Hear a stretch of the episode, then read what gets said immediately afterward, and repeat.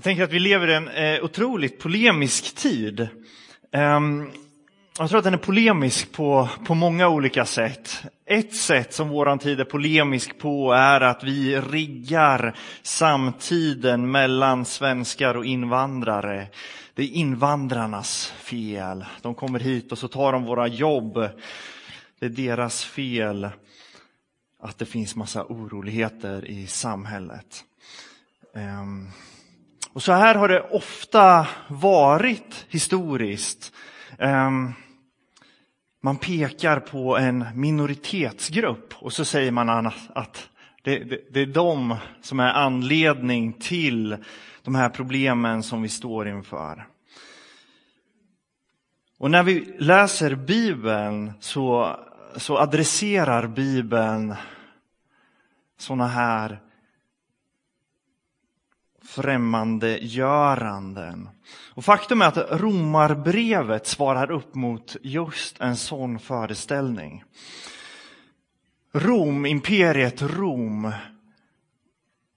är ett väldigt kulturellt laddat sammanhang. Om man ser på vår svenska historia så är det här med mångkulturalitet ganska nytt. Sverige har varit ett, ett ganska homogent samhälle under många hundra år, men att under de sista århundradet så har vi i Sverige eh, upplevt eh, att kulturen har, har eh, mötts av andra kulturer. I Rom så består det romerska imperiet av massa olika kulturer och huvudstaden Rom samlar människor från väldigt många kulturer. Alltså det här är ett mångkulturellt näste. Um, och när de första apostlarna reser runt så reser de till synagogorna i städerna i det romerska imperiet och så predikar de om Jesus. Och sen så kommer judar till tro.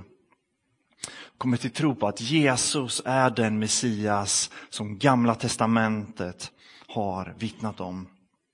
Och de här judarna de fortsätter att mötas i synagogorna. Och de ryms under synagogans tak. Alltså de första kristna möts under den judiska kulturen. Men så småningom så kommer människor som inte är judar att komma till tro på Jesus som frälsare och kommer också mötas under den här, det här judiska paraplyet. Och synagogan blir en, en mötesplats där olika kulturer möts. Judarna avskyr Rom. Rom ockuperar det judiska folket. Israel är ockuperat utav romarna. Och judarna har flera gånger gjort uppror. 49 efter Kristus så utvisas judarna ifrån huvudstaden Rom. Ehm. Det uppstår oroligheter och vi vet inte riktigt vad det beror på. Men, men judarna får inte vara kvar i huvudstaden utan de lämnar Rom. De måste lämna några månader, de blir utskickade. Och under tiden i den judiska synagogan, i församlingen i Rom, vilka finns kvar? Jo, men de andra kulturerna, de som inte är judar. Och så går tiden och snart så kommer judarna tillbaka till församlingen. Och så möter man en församling som har präglats utav andra kulturella inslag.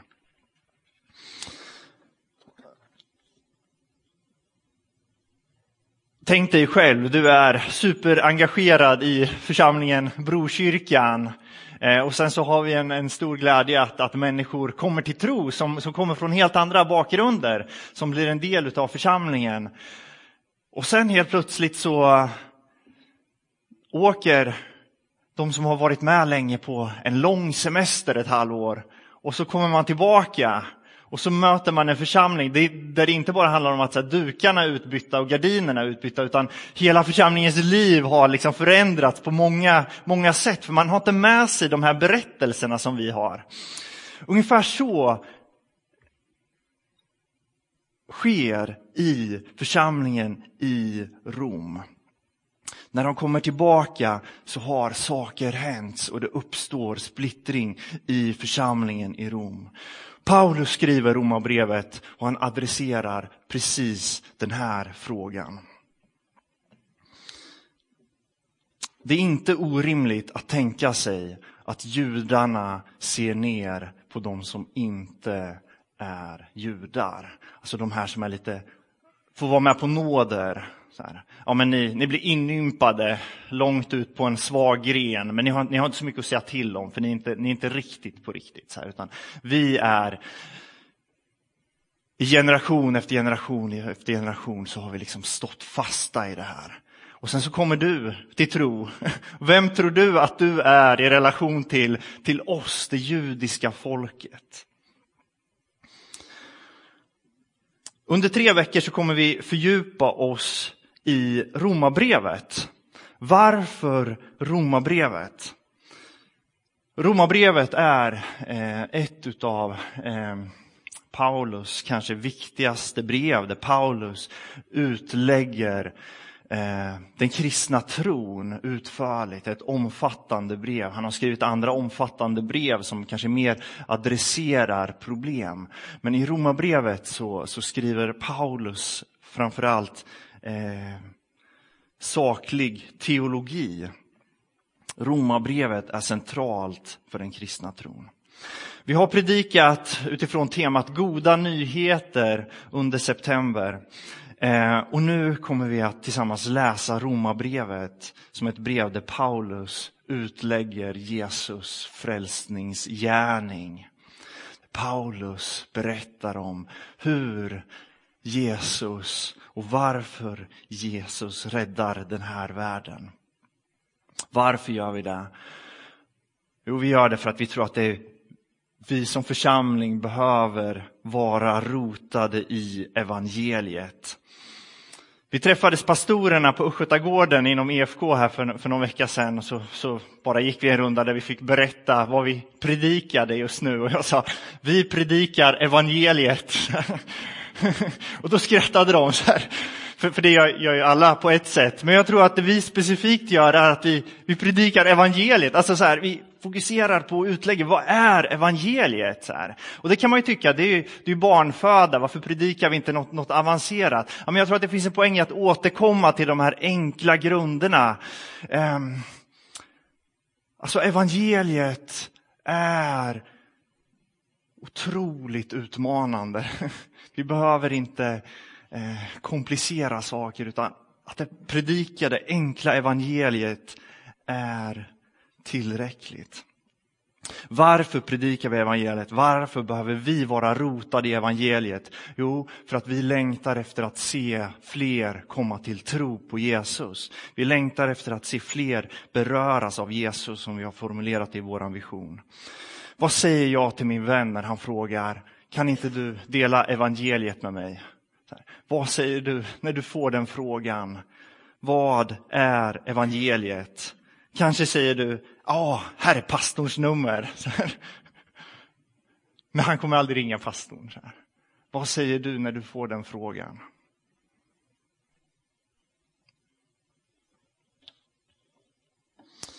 Jag tror att Romarbrevet är ett, eh, ett brev som man kan ägna, ägna en, en livstid åt. Eh, vi kommer ägna tre söndagar åt Romarbrevet. Vi kommer göra det, jag och, Sara, utifrån att vi idag kollar på första delen, kapitel 1-5 och, nästa söndag eh, den andra delen och sen den tredje söndagen, den, den sista delen i, i Romarbrevet.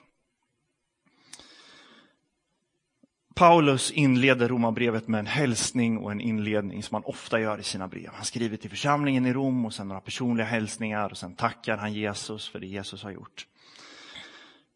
Och sen så kommer två kapitel som handlar om att mänskligheten är förlorad. Alla människor är förlorade. Han börjar i kapitel 1 och 18 Guds vrede uppenbarades från himlen som drabbar all gudlöshet och orätt hos de människor som håller sanningen fången i orättfärdighet. Paulus beskriver att i skapelsen är det uppenbarat hur vi ska leva. Men mänskligheten har vänt sig bort ifrån Guds goda. Mänskligheten har valt andra vägar än Guds väg.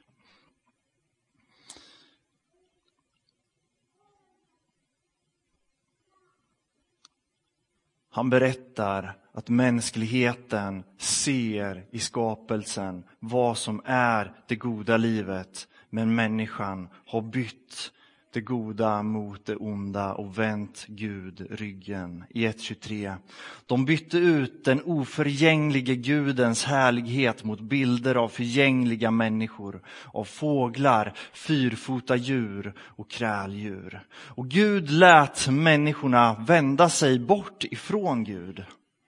Han tillåter att mänskligheten vänder sig bort ifrån Gud men samtidigt så drar människorna dom över sig för sina gärningar. Han fortsätter i 1.28.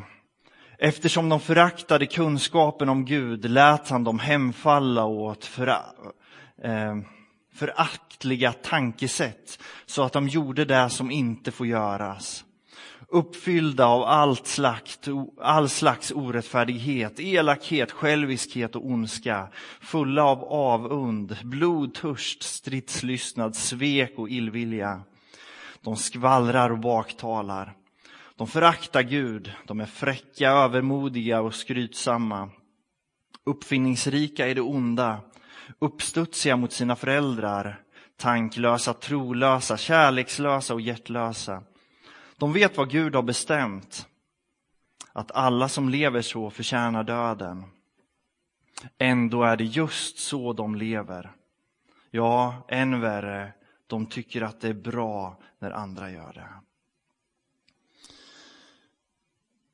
Mänskligheten är förtappad. Mänskligheten har vänt sig bort ifrån Gud. Mänskligheten går inte längre Guds vägar utan har dragit synd över sig.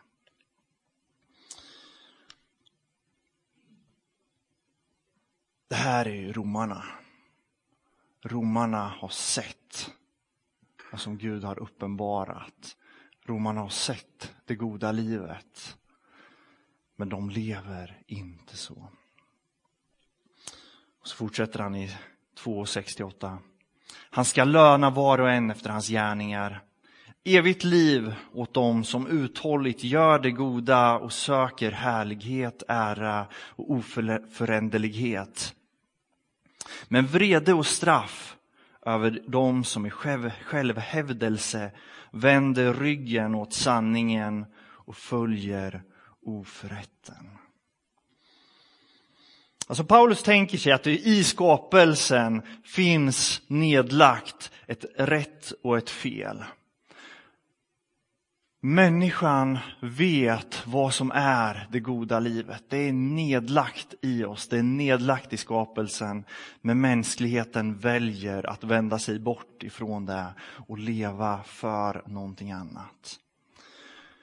De som lever efter det goda, de får evigt liv, säger Paulus. Men de som inte gör det och vänder sig bort ifrån det agerandet lever ett liv som leder till vrede och straff.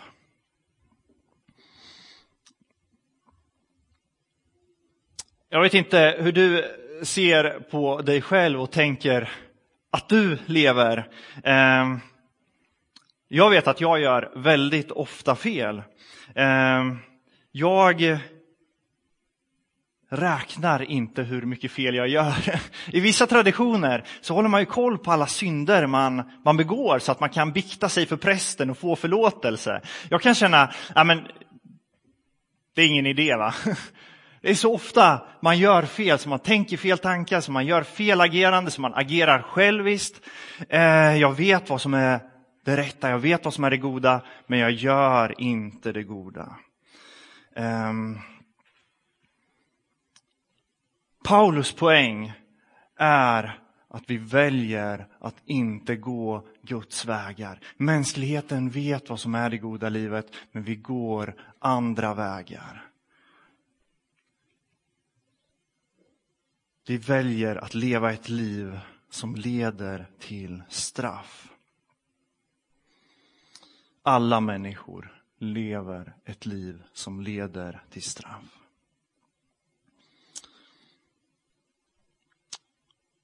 Det är romarna. De vet vad som är rätt, men de lever inte så. Men vi, tack gode Gud, är judar. Vi vet bättre. Vi har kommit längre. Hur är det med judarna? Paulus adresserar och vänder sig till judarna. Jo, men judarna, ni har fått lagen. Det finns en skillnad mellan romare och jude. Vad är skillnaden? Jo, men som jude så ser du inte bara i naturen, i skapelsen, vad som är det goda livet. Du har fått föreskrifterna. Alltså Gud har kommunicerat direkt med dig om hur du ska leva.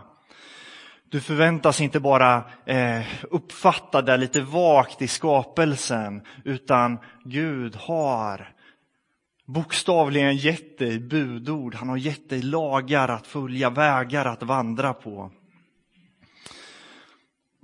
kan man kalla orättvist. Vissa de, de måste liksom kämpa för att urskilja vad som är Guds vilja i skapelsen medan några har fatt, fått sakliga befallningar. Judarna har ett stort försprång. Och sen i kapitel 3 och 9 så fortsätter han. Hur är det då? Har vi något försteg? Nej, inte utan vidare. Jag har förut anklagat både judar och greker att stå under syndens välde. Det står ju skrivet, ingen finns som är rättfärdig, ingen enda. Ingen som förstår, ingen som söker Gud. Alla har vikit av, alla är fördärvade. Ingen finns som gör det goda, ingen enda. Alltså det finns en, en uppdelning mellan de som inte är judar i den romerska församlingen och de som är judar. Där romarna kanske tycker att judarna är lite så här, ja, men de, de förstår kanske inte Kristus helt, de är så uppkopplade mot gamla testamentet, de är inte riktigt med. Medan, medan judarna ser att ja, men vi har ju en lång historia, en lång vandring tillsammans med Gud. Vi har ett försprång. Vad har de för försprång? Paulus säger, ja, men försprånget är att de är medvetna om sin synd. Alltså skillnaden på judarna och på, på romarna är att judarna är medvetna om att de har gått andra vägar än Guds vägar. Och så citerar han eh, i Romarbrevet 3 och 18 från psalm 36 och 2. Och så säger han, hos dem finns ingen fruktan för Gud. Alltså hos dem som vet det goda, som har tagit emot Guds tilltal, så konstaterar han, nej, men inte heller där finns det en fruktan för Gud. Lagen kan endast ge insikt om synd.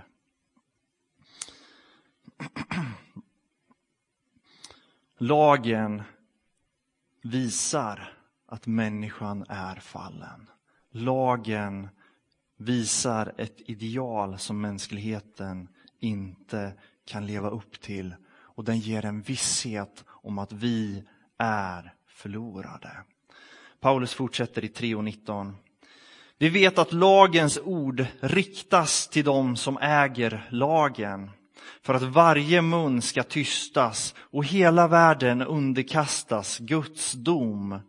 Ty genom laggärningar blir ingen människa rättfärdig inför honom. Lagen kan bara ge insikt om synd. Här hade Paulus kunnat avsluta. Här har han liksom adresserat problemet i församlingen där man har grupperingar som ser ner på varandra. Eh, här är han på ett sätt färdig. Och så säger han att nej, ni är alla misslyckade. Ni behöver inte bråka. för att ingen av er lever upp till det som förväntas. Ni romare, ni inser att ni är syndare, men ni judar gör det ännu mer. För er blir det ännu tydligare att ni är syndare.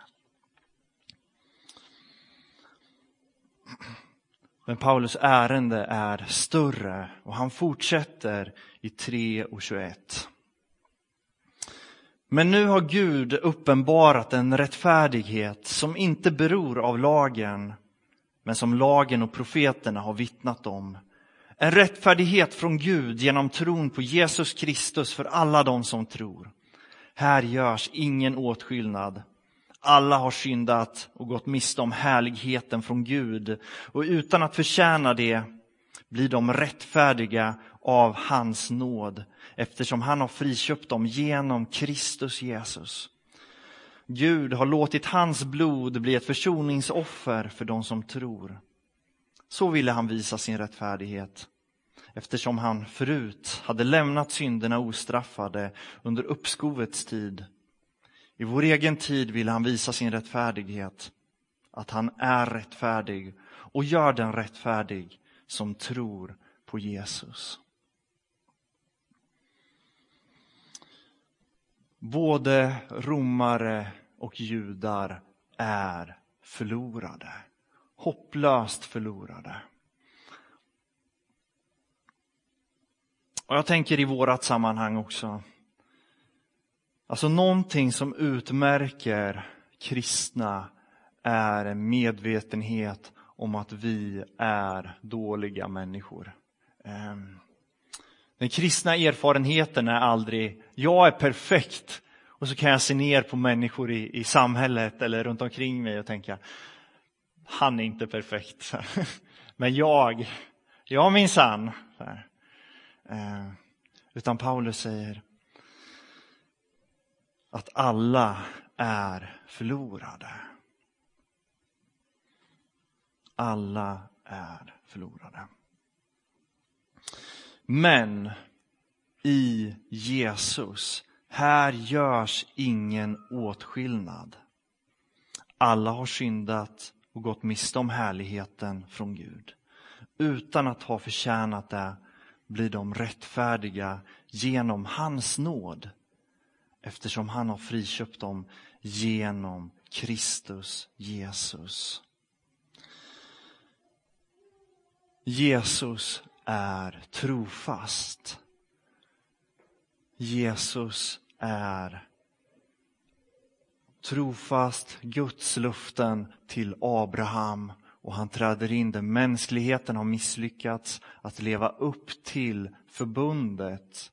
Så lever han upp till förbundet, trofast förbundet eh, och frambär sig som det offret som gör oss delaktiga i luftet till Abraham. Vi blir del i Gudsfolket. Varje år så frambar översteprästen lammen i templet, det ena som skickades iväg eh, och det andra som slaktades för de synder som folket hade begått. Eh, de synder som folket inte själva hade framburit ett syndaoffer för så att de skulle bli försonade. Jesus är det lammet Jesus är det lammet som slaktas trots att vi misslyckas så försonar han oss med sig. Jesus är offerlammet som gör oss delaktiga i förbundet trots att vi inte kan leva upp till det som förväntas. Jag vet inte vad du skulle svara på frågan, vad är evangeliet?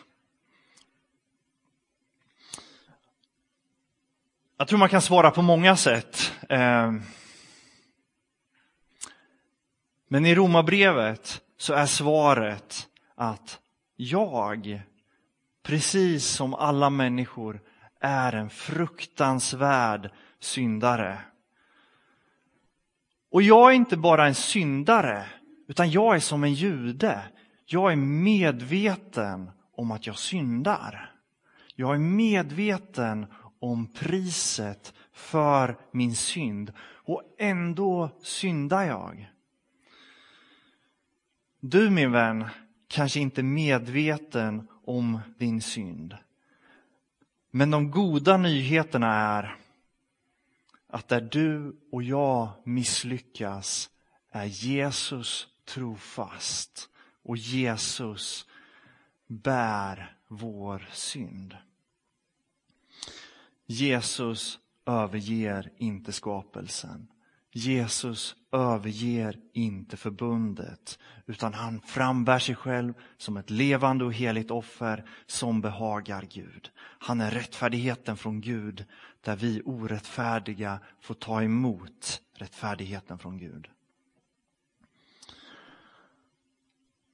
Varför gör Gud det? Vad har Gud för skyldighet till att göra det? I Romarbrevet 5, 7-8 så står det så här. Knappast vill någon dö för en rättfärdig. Kanske går någon i döden för en som är god. Men Gud bevisar sin kärlek till oss genom att Jesus dog för oss medan vi ännu var syndare. Varför gör Gud det här? Jo, för att han älskar oss. Evangeliet är att Gud älskar dig. Medan vi är dåliga människor, medan vi lever i synd, så väljer Gud att gripa in i den här världen och dö på korset. Vi är förlorade. Jag tänker att det är ett, ett en av de grund, grunderna i att vara, vara troende, att tro på Jesus, att tillhöra Guds folk, att vara en del av församlingen. Precis som i församlingen i Rom. Vi är förlorade, både du och jag, både du och din arbetskompis. Vi är förlorade. Eh, för att mänskligheten från början har vänt sig bort ifrån Gud. Men evangeliet är att det inte är ute med oss. Varför? För att Jesus älskar oss. För att Jesus inte är passiv. Jesus ser att vi är förtappade, att vi vänder oss bort ifrån Guds vägar. Och för din och min skull så lämnar han himlen.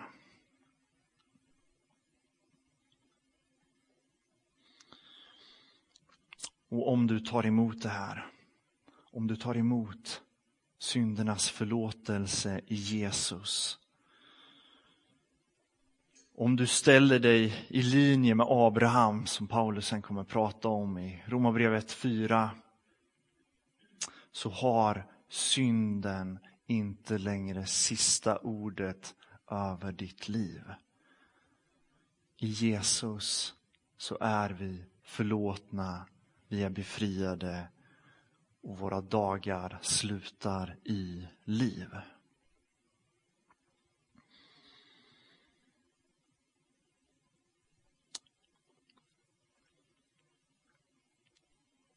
Som församling så tror jag att det är viktigt att inte låta sig präglas utav att det finns ett vi och dem-tänkande där vi har kommit lite längre än någon annan.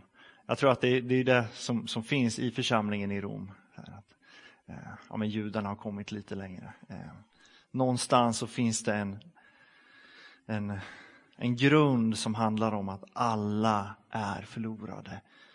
Vi är inte bättre. Istället kanske tvärtom. Vi är medvetna om våran synd och ändå fortsätter vi att leva i synd. Ehm,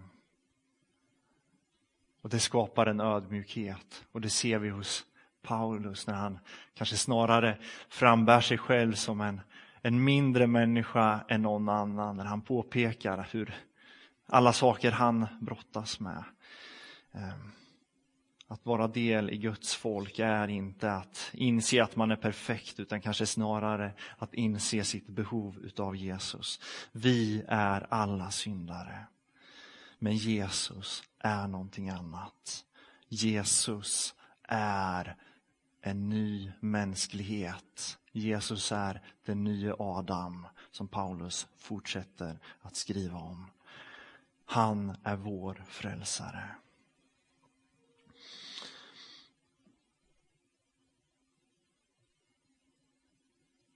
Vi ber tillsammans. Jesus, tack för att du dog för oss medan vi ännu var syndare. Jesus, jag ber att du ska få eh, forma en ödmjuk församling hos oss, Jesus. Jag ber att vi inte ska komma in i den här miljön och känna att vi blir sedda ner på för att vi har levt dåligt en vecka. Eh, att vi har haft en, en tuff period. Eh, utan evangeliet är att alla är vi syndare. Ehm, men du är rättfärdig. Jag ber att det ska få prägla oss som gemenskap, Herre.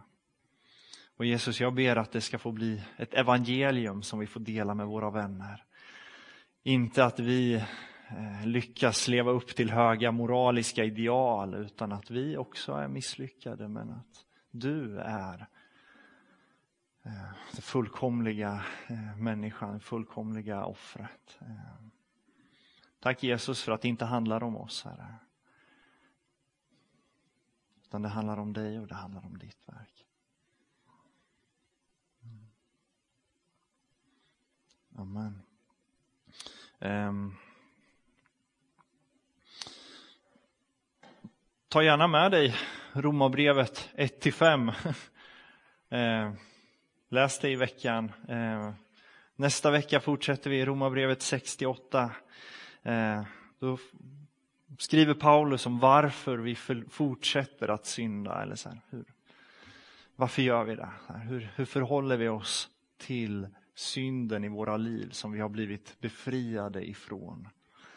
Hur gör vi det?